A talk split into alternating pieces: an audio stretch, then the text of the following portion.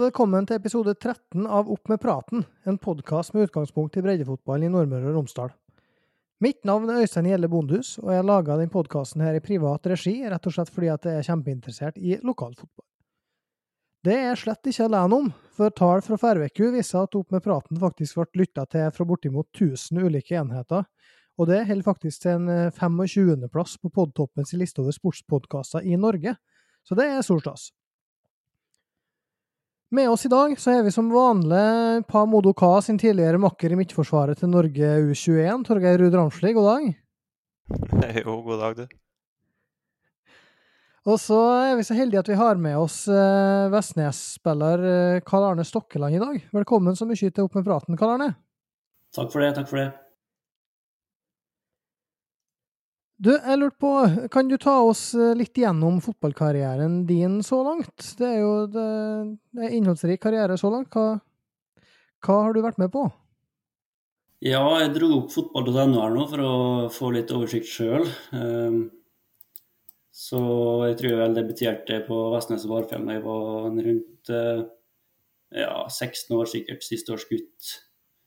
Eh, rundt der og hadde vel kanskje to halve sesonger eh, på Varfjell da, før jeg um, signerte for, eh, for Molde. Og drog dit. Eh, det var vel ikke veldig vellykka opphold i, Molde. Det ble litt mange Molde 3-kamper framfor Molde 2. Så um, ikke helt det han ønske det ble, da. Og ja, etter det så var det en liten tur til Eidsvåg. Um, spilte der en halv sesong. Jeg hørte vel podkasten med Einar Olav at han eh, kom tilbake for å redde Eidsvåg en sesong.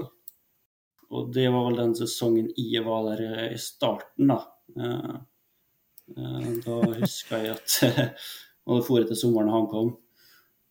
Så det store vi, vi, var veldig gode i starten, husker. Vi hadde en bra gjeng. Eh, slo ut eh, Torgeir og Sundal, om ikke husker helt feil, fra tredje kvalik i cupen og fikk tatt oss en tur til, eh, til første runde og få en 10-0 eh, i sekken, eller hva det var, fra Molde.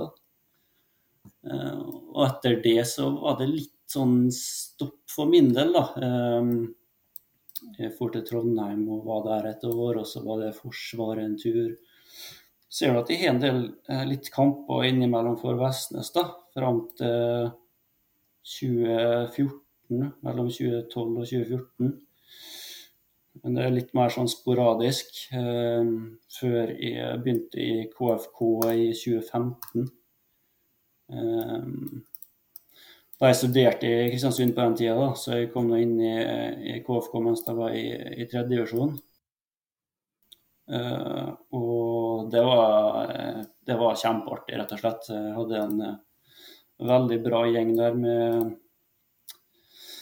ja, kokhaug, kan jeg godt si. Vi hadde uh, en Klinge baki der, og så en Lars Kvalvik på midten, og så Angvik på topp. Så det var jo et eventyr på, i kamp og trening. Og så fikk vi krydra med en El Hai andre sesongen der, sånt. så det ble jo ble jo artig. det ble jo det.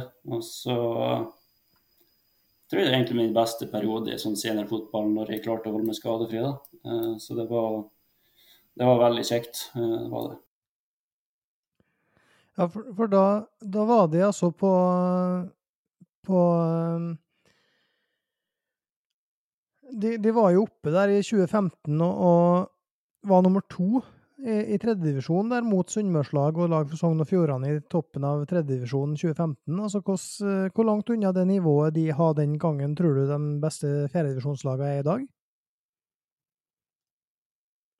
Um, jeg, tror, jeg, tror, det var et stykke, ikke for å være uh, ja, cocky på det, men akkurat da så hadde vi en, en veldig bra gjeng i, i egentlig i bra alder, da, sånn sett. At folk eh, klarte å forplikte seg til fotballen da, og hadde en bra miks mellom ungt og gammelt. og Vi hadde ikke kun 18-åringer og de over 30 og alt imellom. Så jeg mener på at vi var en ganske bra gjeng da.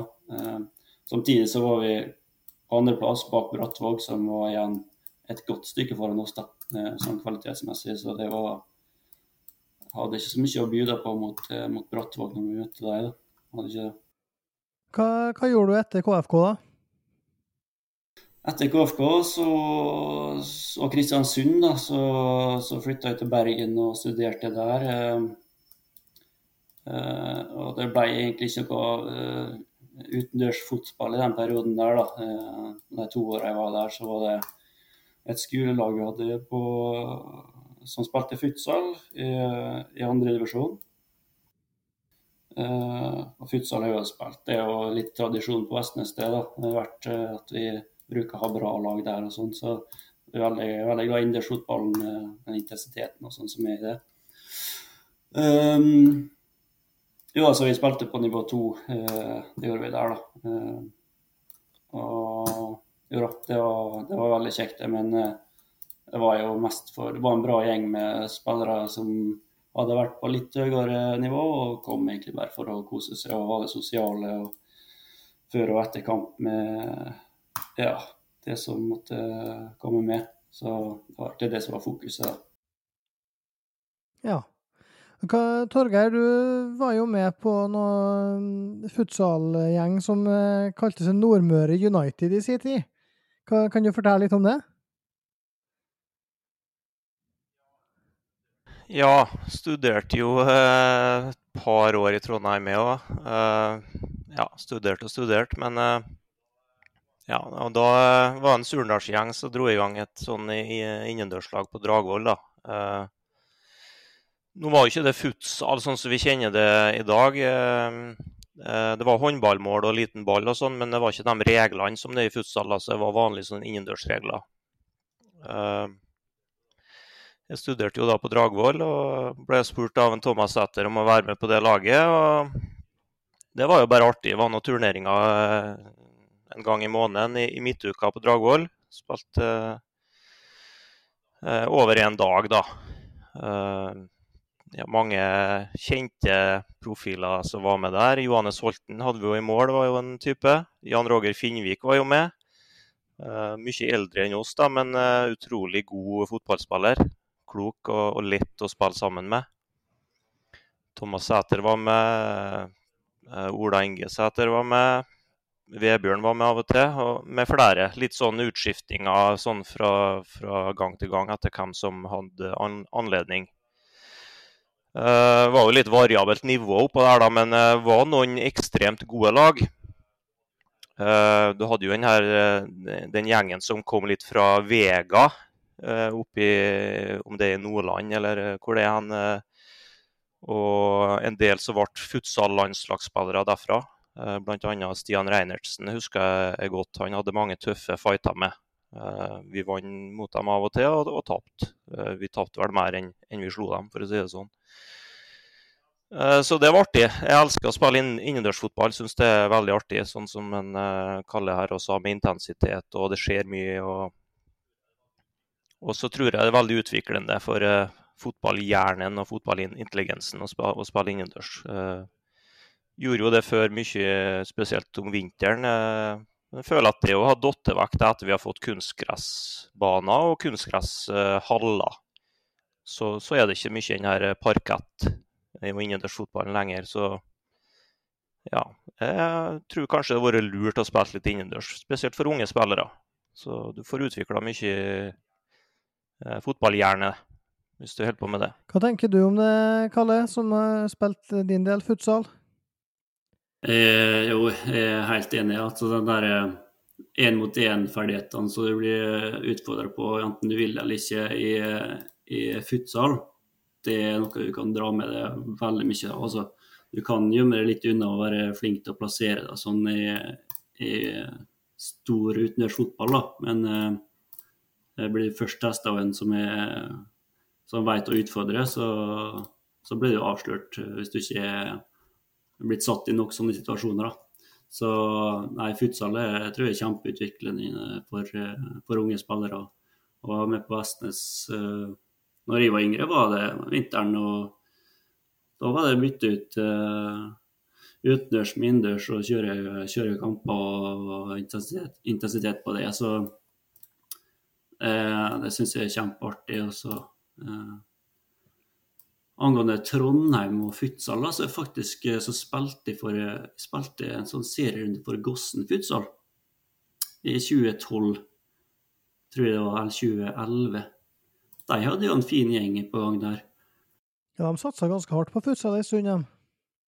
Jeg var jo, altså var jo innendørsmiljøet både på Misund og, og, på Gossen. Husker jeg det var veldig, to gode lag, det. Og det var både aldersbestemt og, og sånn. Og når vi kom opp litt på junior og sånn, så spilte vi mye mer turneringer om vinteren.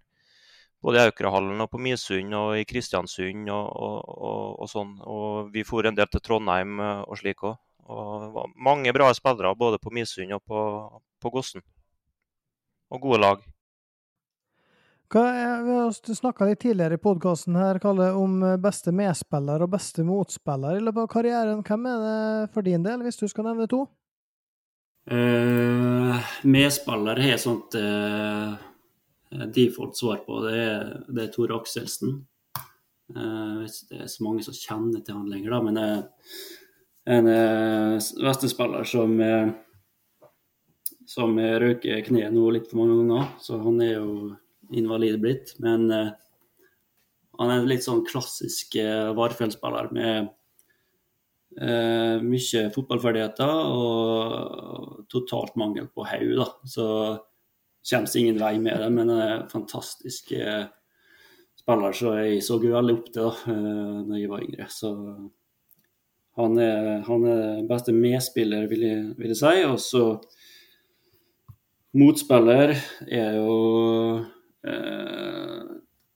jeg er ikke helt sikker på den, men det er lett sånn i lokal fotballsammenheng å dra opp Torgeir. da.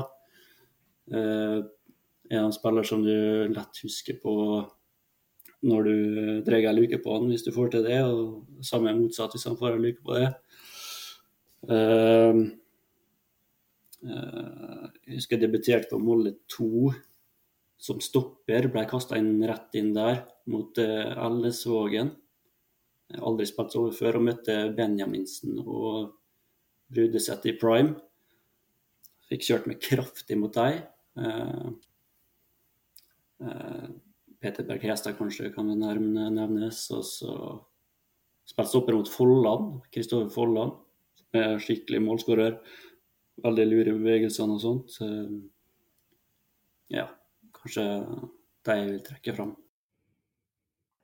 Så, så, er det jo litt sånn når en snakker om Vestnes Varfjell, så er det vanskelig å komme unna Vi, vi har skrytt av det før, men, men eh, klubben har i årrekke nå utmerka seg med, med gode, opp, godt oppdaterte hjemmesider og med mye statistikk og historikk og kampreferat. Og, og de har òg gått i bresjen for å filme og streame lokalfotballkamper live. Og, og vi har skrytt av Asbjørn Vik her tidligere i poden, og han har allerede annonsert at eh, kampen mot Sunndal på fredag blir sendt direkte. Og hva, hva, betyr det at eh, denne ekstra dimensjonen er på plass for dere som spiller på Vestnes Varfjell? Ja, jeg vil tro det at det betyr litt Jeg husker når jeg, han holdt på i mange mange år, Asbjørn. Eh, og når jeg var yngre, så var det, det var litt ekstra motivasjon for min del. da. Eh, og, og han, han filma jo G16-kamper, G16 innendørsturneringer Sant? Så det var jo litt kult å, å gjøre det bra og få sett det i opptak, da. Det var det. Og så er det jo helt sikkert et, eh, en verdi i det å analysere kamper, da. Eh, jeg vet treneren vår og flere spillere ser på kamper i opptak. Eh, men klart det er vel litt sånn eh, diverse forhold til det å analysere kamper og holdninger til det og sånt, da. Men eh, ja, jeg tror det, det er kun positive ting å, å, å, dra med seg både for interessen rundt om, da. Det er det jo. Det var noe Jeg så nå f.eks. Tomrefjord uh, Surnadal Tomrefjord. Uh, har ikke trodd at de skulle gjort sånt. så så det oppfordrer jeg flere til å dra i gang med, altså. Det gjør jeg. Ja, og, og jeg må innrømme det at uh, jeg var kjempeglad da jeg før helga fant ut på fredag at uh, Direktesport har en app til Samsung-TV-en min, slik at jeg kunne legge inn en Direktesport-app og rett og slett bare gå inn på den og velge å se, sitte og se en fredagskveld der med Dale Eide, og sitte og kose meg med, med fjerdedivisjon rett på TV-en. Det syns jeg var det er klasse. Så det, det, er artig at det er flere og flere Tomrefjord, som du sier, filmer og legger ut på YouTube ofte. og eh, Ikke mot KBK2, dessverre, men, men eh, ofte. Og flere og flere kommer etter, og det tror jeg Vestnes Varfjell har vært et sånn foregangseksempel, så, så jeg tror det er jeg husker jo det fra da jeg bodde i Oslo, at det var eneste gangen i året nesten jeg fikk se Surnadal spille, det var jo borte mot Vestnes. og det, Sånn tror jeg mange, mange har hatt det. Um, når, hvis en snakker om hjemmesida til Vestnes Varfjell, da, så, så, kommer det jo fram et interessant poeng eh, som er, er snappa opp der, og det er at Vestnes Varfjell kan knappast sies å ha vært heldig med terminliste denne halvsesongen her. Selv om laget har fått flere kamper hjemme enn borte, så er det altså interne oppgjør mot andre lag i det som nå har blitt en bunnstrid. Det, der er Vassnes Varfjell satt opp med bortebane mot alle de fem andre lagene som ligger på Nedre halvdel. Hva tenker du om det, Kalle? Ja, vi skulle kanskje tenkt at det var rigga til her, da, men det er vel ikke sånn det fungerer. Det er vel trekk, det. Um, Nei, jeg kan tenke om det er selvfølgelig ugunstig, men uh, før denne sesongen her så ja, var det jo vanskelig å spå hvem som kom til å havne i bunnen, egentlig, og hva styrken på lagene generelt. da, så Nei, altså Må bare ta det så, sånn som det er. Det er ikke så mye å dvele ved, tenker jeg. da. Altså, og vi smøla borte på en lørdag. Sant? En viktig kamp. Det blir en kjempetur for gutta. Får vi tre poeng der, så er det jo stor stemning og pils på vei hjem. Så det er jo ikke å klage over det. Nei. Um, og hvis en ser da på, på, sånn som det, det, ligger an her nå um, Etter seks kamper så har det Vestnes Varfjell fire poeng, men har tapt bare to kamper. Eh, hvordan har første halvdel av sesongen vært sett opp mot det de forventa sjøl? Nei, det er jo Det var jo litt skrekkelig eh, oppladning vi hadde med treningskamper og sånt. Eh, jeg var ikke med så mye. Jeg var med um, Fikk 20 minutter borte mot Nordborg. Eh, og det så ikke veldig lovende ut, da, det så der. da. Det, så jeg skjønner at Torgeir i podkasten, hadde reagert litt på at vi var fornøyd med et 4-0-tap eh, mot KBK eh, hjemme der. Eh, kan forstå det, da. Men med bakgrunn i det, vi, det som var prestert i treningskampene der, så, så, trengte vi egentlig bare en OK prestasjon, og det fikk vi. Vi ble ikke overkjørt. Så vi klarte faktisk å bygge litt på et 4-0-tap på hjemmebane. Og um,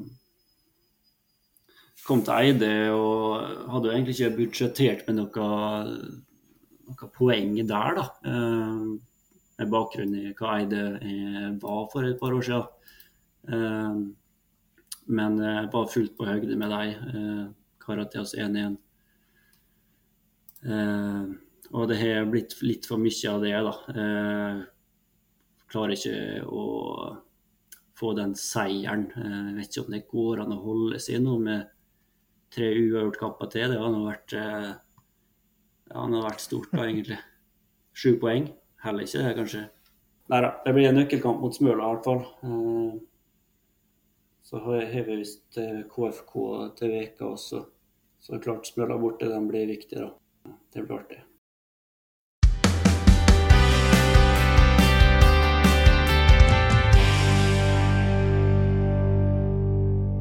I fjerdedivisjon så var runde sju en runde full av storkamper og et par resultat som kanskje var litt overraskende for, for oss i lys av hva vi tippa i forrige episode. Hvis en kjapt går igjennom, så er det at Smøla slo KFK CFK 2-0, Dale eide omegn 1-2-1, Åndalsnes Malmefjorden 1-2, Sunndalen Surndalen 3-2, Tomrefjord KBK 2 2-1 og Misund Vestnes Varfjell 2-2. Og for å ta Smøla KFK først, der melder en Svein Erik Gregersen, eh, som er på, han melder at KFK ikke kan ha noen unnskyldninger der, fordi de kun mangler en Ali Korsnau av det mannskapet de har å, å rutte med. Og han eh, mente at Smøla mestra det han kaller sinnssyke forhold på Smøla best, og dermed var han fortjent. Eh, nå er det jo slik, jeg var litt inne på det, Karl Arne, at Vestnes skal spille mot Sunndal hjemme på fredag nå. Og så er det KFK borte i utsettkamp allerede tirsdag, og Smøla borte neste lørdag igjen. Med tre kamper på åtte dager der, så hva forventer du av eh, spesielt eh, kampene mot Smøla og KFK og CFK der? Kanskje KFK spesielt, da, siden du har spilt der?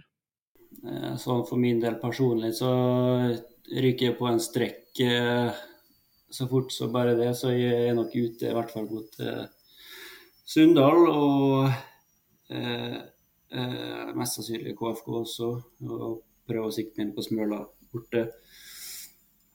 Um, jeg er litt usikker på Er Sunndal hjemme. Jeg regner med at Sunndal er et uh, ganske sterkt lag. Det bruker jeg alltid å ha.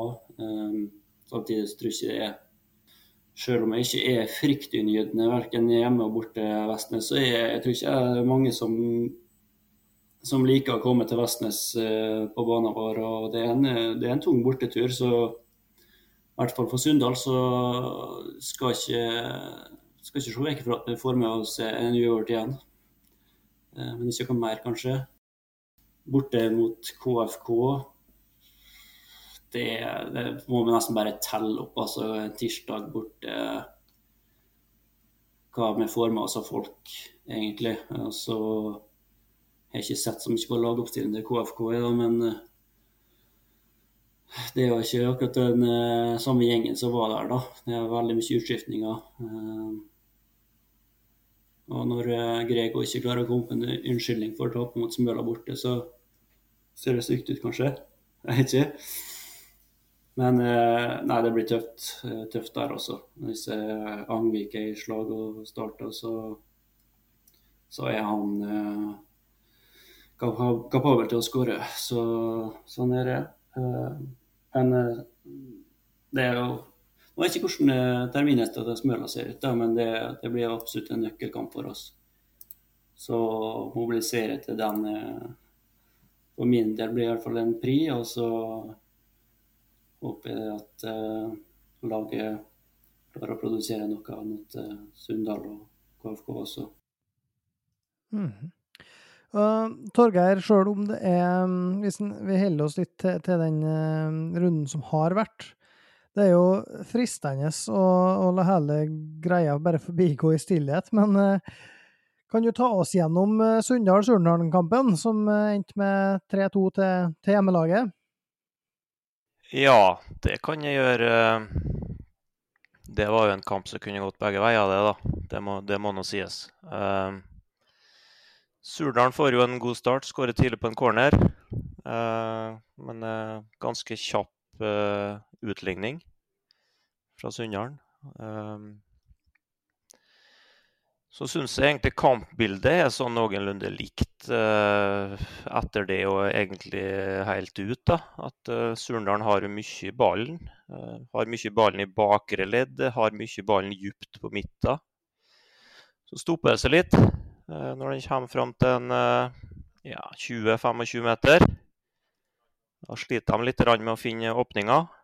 Eh, litt sånn som jeg sa til kampen mot Tomrefjord, at de får satt opp kanter sånn i én mot én, men de får ikke overtall. Sliter med å skape overtall. Og, ja, det som der fagkarene i NFF kaller for totalgjennombrudd, da, for å si det sånn. Så blir det en del overgangsmuligheter til Sunndal, eh, som de er gode på. Eh, og skaper større målsjanser enn det Surndalen gjør, syns jeg. Sånn at Surndalen er vel det beste laget mellom 16-meterne, men Sunndal er det beste i 16-meterne. Eh, jeg er litt overraska over at Sunndal skaper såpass store sjanser, for de kommer ikke med hele laget. og sånn, De kontrer med, med dem foran. Det er stort sett det. Eh, I hvert fall etter høyrebacken gikk ut. da, Han eh, unge Hårberg som var veldig god offensivt i første omgang. Og skapt mye. Når han gikk ut med skade, så Og så går jo vel Sunndalen eh, opp i 2-1, gjør de ikke det, hvis jeg husker rett her nå? Det stemmer fort, det. Ja, og, men fortsatt er det Surndalen som har ballen mye å presse på, da. og Syns han Talgø på høyrekanten skaper mye utover i andre.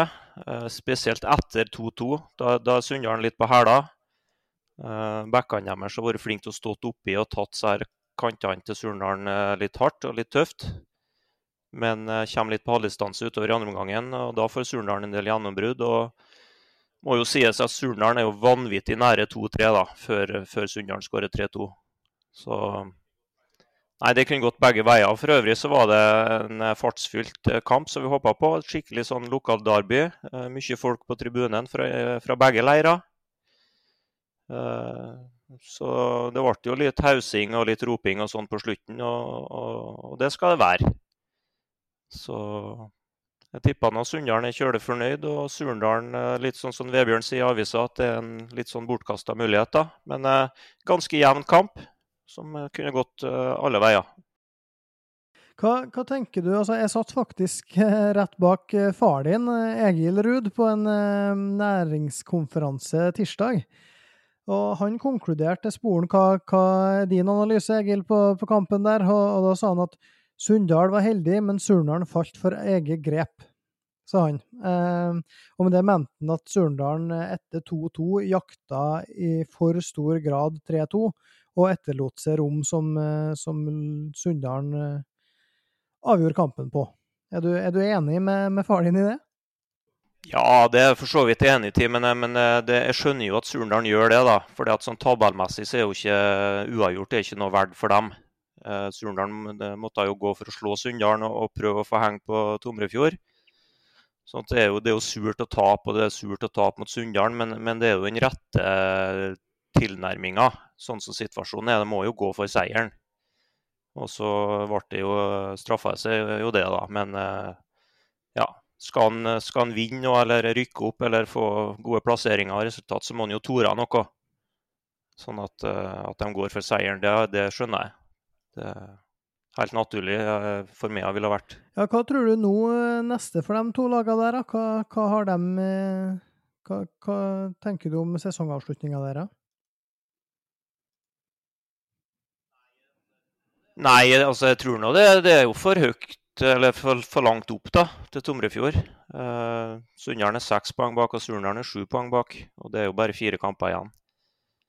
Eh, så jeg ser jo ikke for meg at Tomrefjord går på noe sånn stor sprekk nå og plutselig taper en to-tre kamper. Det, det, ser jeg ikke. Så det handler nå bare om å komme seg høyest mulig opp på tabellen. Og kanskje bli best innbyrdes av de to lagene. da. Ja, og, og Tomrefjord må vi prate litt om. Um, for de, de, har jo bortimot en eksamen uh, mot eh, KBK2 her, og det, det, gjelder jo i høyeste grad KBK2, som har borte mot Tomrefjord på en, en uh, gressbane der òg. Um, og der var det altså Thomas André Brastad som ga hjemmelaget 1-0, og så utligna han Avet Alemseged 20 minutter før full tid. Men på overtid så, så dukka altså Mats Inge Skorgenes opp og sørga for tre viktige poeng for Tomrefjord i, i, toppen der. og Det betyr at de har seks poeng nå ned til KBK2. Men eh, KBK2 kan kutte inn Løkka til tre poeng hvis de slår Åndalsnes i en utsatt kamp. Nå er det slik Karl Arne, at uh, Tomrefjord har igjen Misund borte, Eide hjemme, Sunndal borte og Malmefjorden hjemme. Tror du at uh, de i Vestnes Varfjell blir det eneste laget som tar poeng for Tomrefjord i år? Nei, det tror jeg ikke. Jeg tror at eh, Sunndal eh, kommer til å slå Tomrefjord. Det vil jeg tro. Men eh, ellers da, så ser det jo ganske bra ut for Tomrefjord sin del. Eide, har fått en forrige nå. Men om han blir med over til Tomrefjord, er usikkert. Men der slår, der slår sikkert Eide hjemme. Der slår Mysund borte. Uh, og der slår Malmefjorden hjemme. Så ja, det ser veldig lyst ut med tanke på, på opprykk da, for Tomrefjord sin del. Det gjør det. Um, uh, så det, det spørs om de ikke må ta turen Er det direkte opprykk til, til tredje, eller er det kvalik? Kvalik. Det er kvalik, ja. Ja. Mm, jeg ser ikke for meg at Tomrefjord uh, vinner en kvalik, altså. Det ville overraska meg. Det er et veldig bra kollektiv, og så har de, så Kåssberg bak, som er veldig god, og så er det Tommy på topp, som er god. Og så, så er det ikke sånn, sånn superspesielt med det laget, da. Men det, det, viser jo hvor langt du kommer med et godt kollektiv.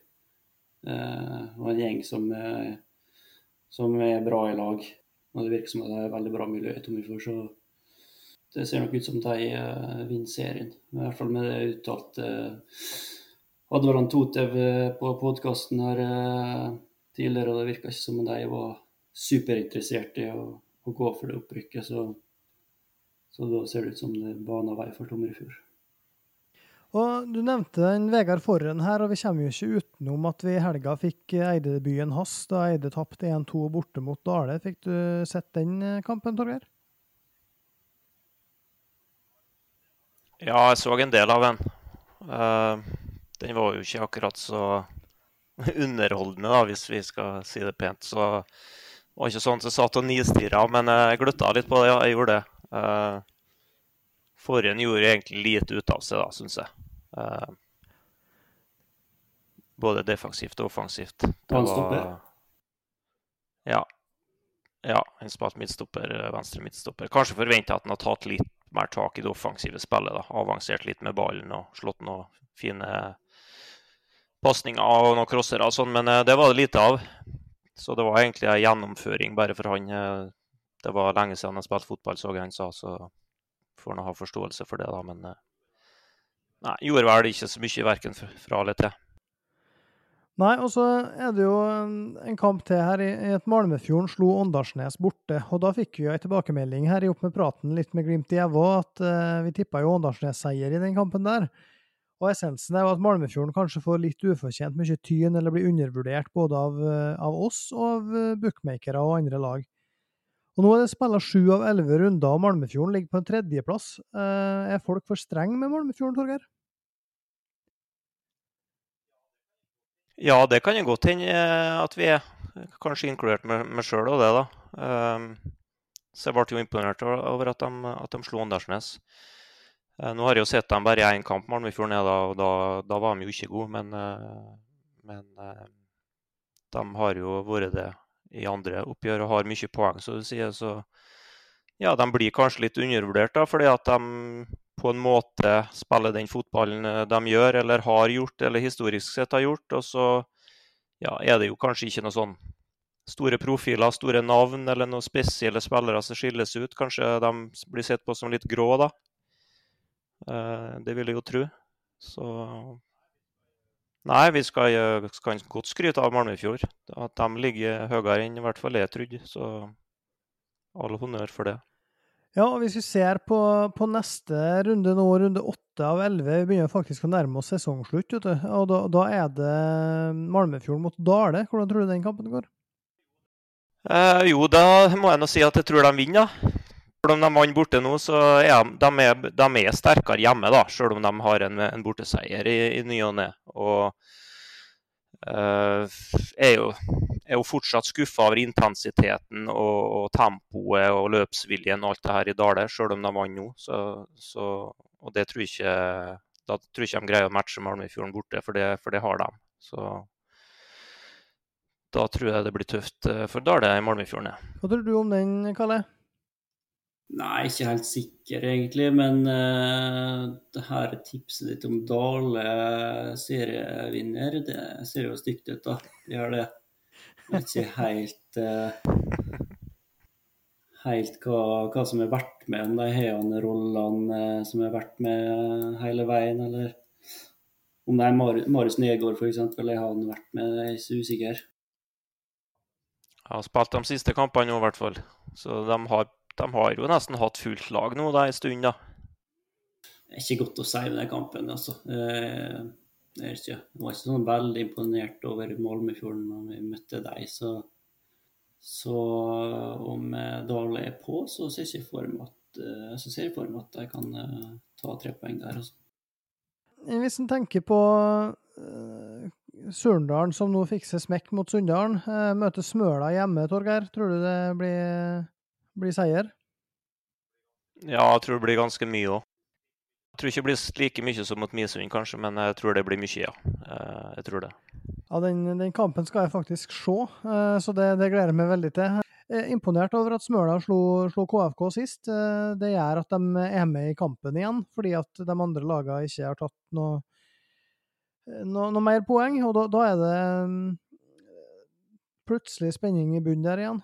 Så, så, jeg tror ikke at uh, Smøla de, de vet vi hva står for når det gjelder både innsats og, og organisering, men jeg tror på Syltørene så, så, så skal Surnadal slå Smøla kan jo si det at, eh, at Surnadal skal spille inn i forbindelse med kampen, så skal det spilles inn musikkvideo til en ny klubblåt òg, så hvis det ikke blir festfotball og, og, folk som har lyst til å vise fram når de har en profesjonell eh, filmer der nede, så, filmskaper der nede, så, så, så, blir det aldri. Så gratis inngang og greier òg, så da, da, skal det bli liv og, og stemning nede på Syltørene den kampen der. For å ta Varfjell mot uh, Sunndalen her, Kalle. Hva du har jo vært litt innom det, men uh, hvordan tror du det går, hvis du må tippe? Uh, da tipper jeg at det blir 2-2. altså. Dreier meg seg et poeng der. Uh, jeg lenge på skåringslista sist. Uh, kjempeboost på sjøltilliten hans, og forventer at han nå får ei kasse. Uh, I tillegg til at Amund Stavem nå uh, har ikke skåret ennå. Uh, det må løsne snart. Han er, han er kapabel til å skåre. Så, så er det sett brukbart ut bakover for oss. Eh, absolutt, med Ørjan Tangen i spissen og Svein Erik der. Eh, så får vi håpe det at eh, Sunndal har litt seige bein etter en eh, lang kjøretur. Han skåra sist av Amund hvem da han skal ha den. De gjorde det? Må nesten, ja. ja, den må han nesten få. Og den kvota opprykt. Men eh, hva, hva, tror du da, Torgeir? Jo, altså jeg heller litt mot den sjøl. Og så skal det sies at mange av tipsene mine er jo for å motivere Sunndalen. så Derfor tipper jeg ofte litt mot dem. Men eh, jeg har hatt en del sånn ugne opplevelser på Vestnes-Sunndalen. Altså, både med tap og, og uavgjorte og sånn. Og det er ikke en sånn favorittbane. Eh, men eh, eh, Amund, som en kalles, bruker å være god mot Sunndalen. Vestnes hadde jo god kontroll hjemme mot Tomrefjord. Fullt fortjent poeng da, syns jeg, selv om Tomrefjord har mye ball. Men det samme er det når de ikke skaper noe som helst. Som har jo litt De har jo vært bra bakover, sånn side, og kan ta med seg det. Så jeg har jo litt på feeling at Sunndalen og ungguttene kan være litt høyt oppe nå da, etter eh, forrige helg mot, mot Surndalen. Og ja, ligger, lukter ligger litt sånn i lufta at det kanskje blir et poengtap. Ja, og hvis en tenker et annet lag som på en måte har en motsatt altså effekt, to lag som har litt å bevise, så er det jo KFK og CFK mot Åndalsnes her. To lag som eh, tapte forrige runde. Hva, hva tror du om dem, Kalle? Ærlig talt så, så, kjenner jeg ikke til Åndalsnes så fryktelig godt. For de har plutselig, uh, plutselig kommet gjennom og blitt et bra lag, mens de egentlig har vært litt uh, vekke. Uh, så, men jeg skjønner det at de har en veldig bra gjeng på gang. Og at det er litt generasjonsskifte i, i KFK. samtidig så er det en, det er en tung tur for Åndalsnes, altså. Det er det. Så det blir jo litt avhengig av hva KFK eh, hva, hva de stiller her, altså. Eh, men eh, jeg ser det som en mulighet for KFK å få med seg noe fra det, altså, den kampen her. Ja, og, så er det jo to kamper til slutt der uh, topplagene spiller borte. Altså Du har Eide KBK2, Misund Tomrefjorden. Hva, Torgeir, tror du Eide eller Misund stikker kjepper i hjula for de to som uh, kjemper mest om topplasseringa? Nei, jeg tror vel egentlig ikke det. Eh, det som jeg har sett i det siste av KBK2, har jo vært bra. Så de jo ikke noe mot Tomrefjord, men uh, kommer jo til en fin kunstgressbane på Eide. Uh, Likeens Tomrefjord, uh, gress igjen. De er gode borte. Gode til å få kampene inn i sitt spor. Mure igjen og mure igjen helt til de skårer. sjøl. Gjorde de noen nå òg mot KBK2, så Nei, jeg ser for meg borteseiere i begge dem, jeg må jo si det. Men det er klart, til mer desperat lagene i bunnen blir nå, at det vanskeligere blir det jo å møte dem. Og som dere sa, du også sa i stad, Øystein, så alle lagene har jo på en måte sjansen igjen nå. Så lenge det er så mye uavgjort som enkelte spiller, så greier de ikke å dra ifra. Og da har jo til og med Smøla sjanse. Så Nei, de, det gjelder å få seg en seier eller to da, nede i bunnen der. Men det sitter langt inne, ser det ut som. Ja, en går jo snart, snart tom for kamper. Hva, Utover Smøla, Kalle, hva, hva tror du er, er nøkkelkampene for, for, Vestnes sin del?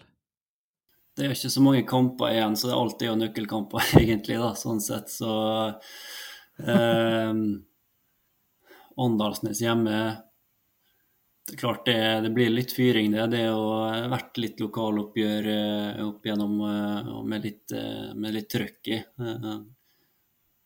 Så, så, det blir jo artig, da. Dale borte. Hvis vi møter et Dale-lag borte som ikke er noe å, spille for, så kan det jo være en, en mulighet, det. altså.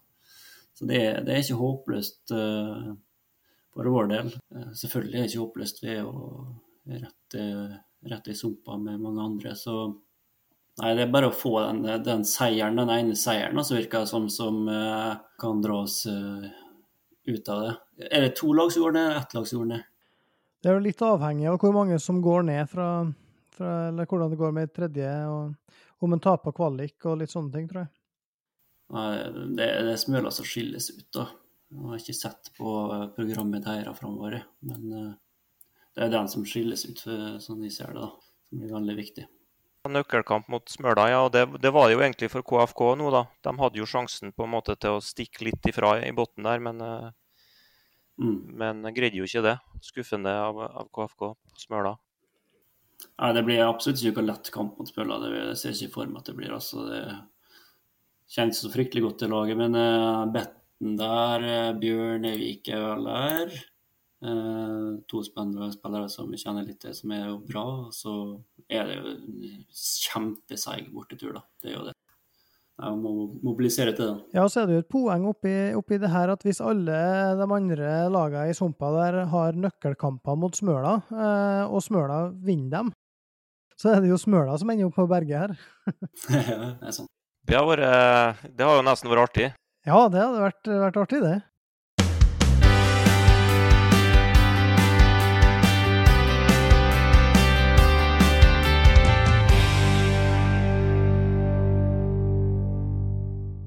5-divisjon har i utgangspunktet spillefri i helga, men søndag så vant Treff 2 8-0 over Molde-studentene i en kamp som var utsatt for runde tre. Det betyr at de toppa tabellen med 16 poeng av 18 mulige. Kvass Ulvungen er på andreplass med 14 og AK på tredje med 11 poeng. De kan bli forbigått av Elnesvågen, som nå står med 10, eh, men har en utsatt kamp mot tabelljumbo Gossen til gode. Gjelseth Kleive er nummer fem med ni poeng færre den runden som, som, kommer nå, og da er det altså Molde 3 mot Kvass Ulvungen, det er Isfjorden eh, Åndalsnes 2 mot Elnesvågen, det er Gjelseth Kleive mot AK, Molde-studentene mot Dale 2 og Treff 2 Gossen. Hva av lagene i teten her tror du får størst problem i helga, Torgeir? Nei, jeg tror kanskje både Kvass og AK får trøbbel, det, da. Gjelseth Kleive har kommet seg litt i gang igjen uh, etter den voldsomme starten mot uh, Kvass og mot Treff. Og AK syns jeg svinger. da, De har jo litt poeng, men uh, det er noen svake resultat der òg. Så jeg tror kanskje begge dem får trøbbel. det. Jeg ser på dem som favoritter til å vinne, ja, ikke noe med det, men jeg tror de får det tøft. Så jeg må nok si dem to. Ja, Har du Karl Arne fælt med nå på femtedivisjon? Eh, nei. nei. Er ikke det.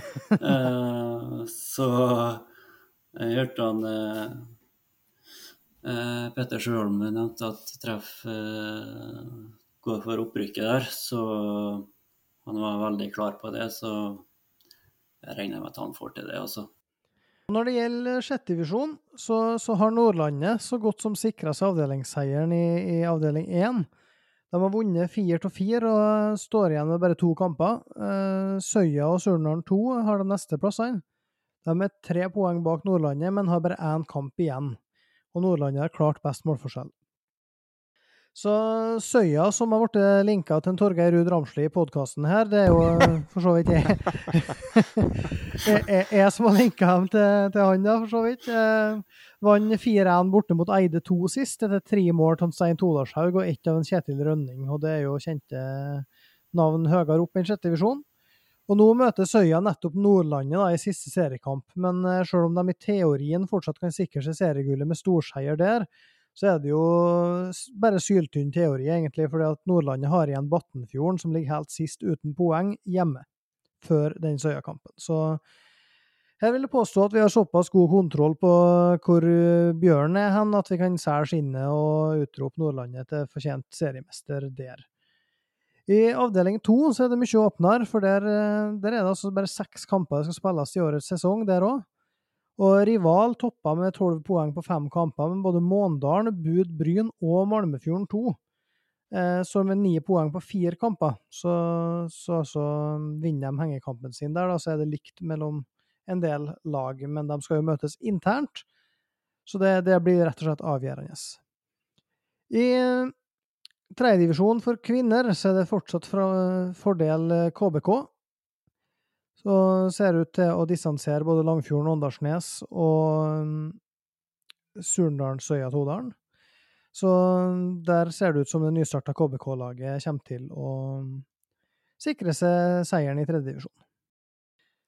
Nå ser jeg at uh, dommeren har løfta fløyta til munnen her i episode 13 av Opp med praten, så da vil jeg bare si tusen takk til Karl Arne Stokkeland, og lykke til med både tre viktige kamper nå i løpet av ei uke og resten av sesongen. Tusen takk for det. Og så en stor takk til Torgeir Ruud Ramsli for nok en fin fotballprat, Torgeir. Takk i like måte. Og med det så sier vi takk for i dag, og så snakkes vi neste uke.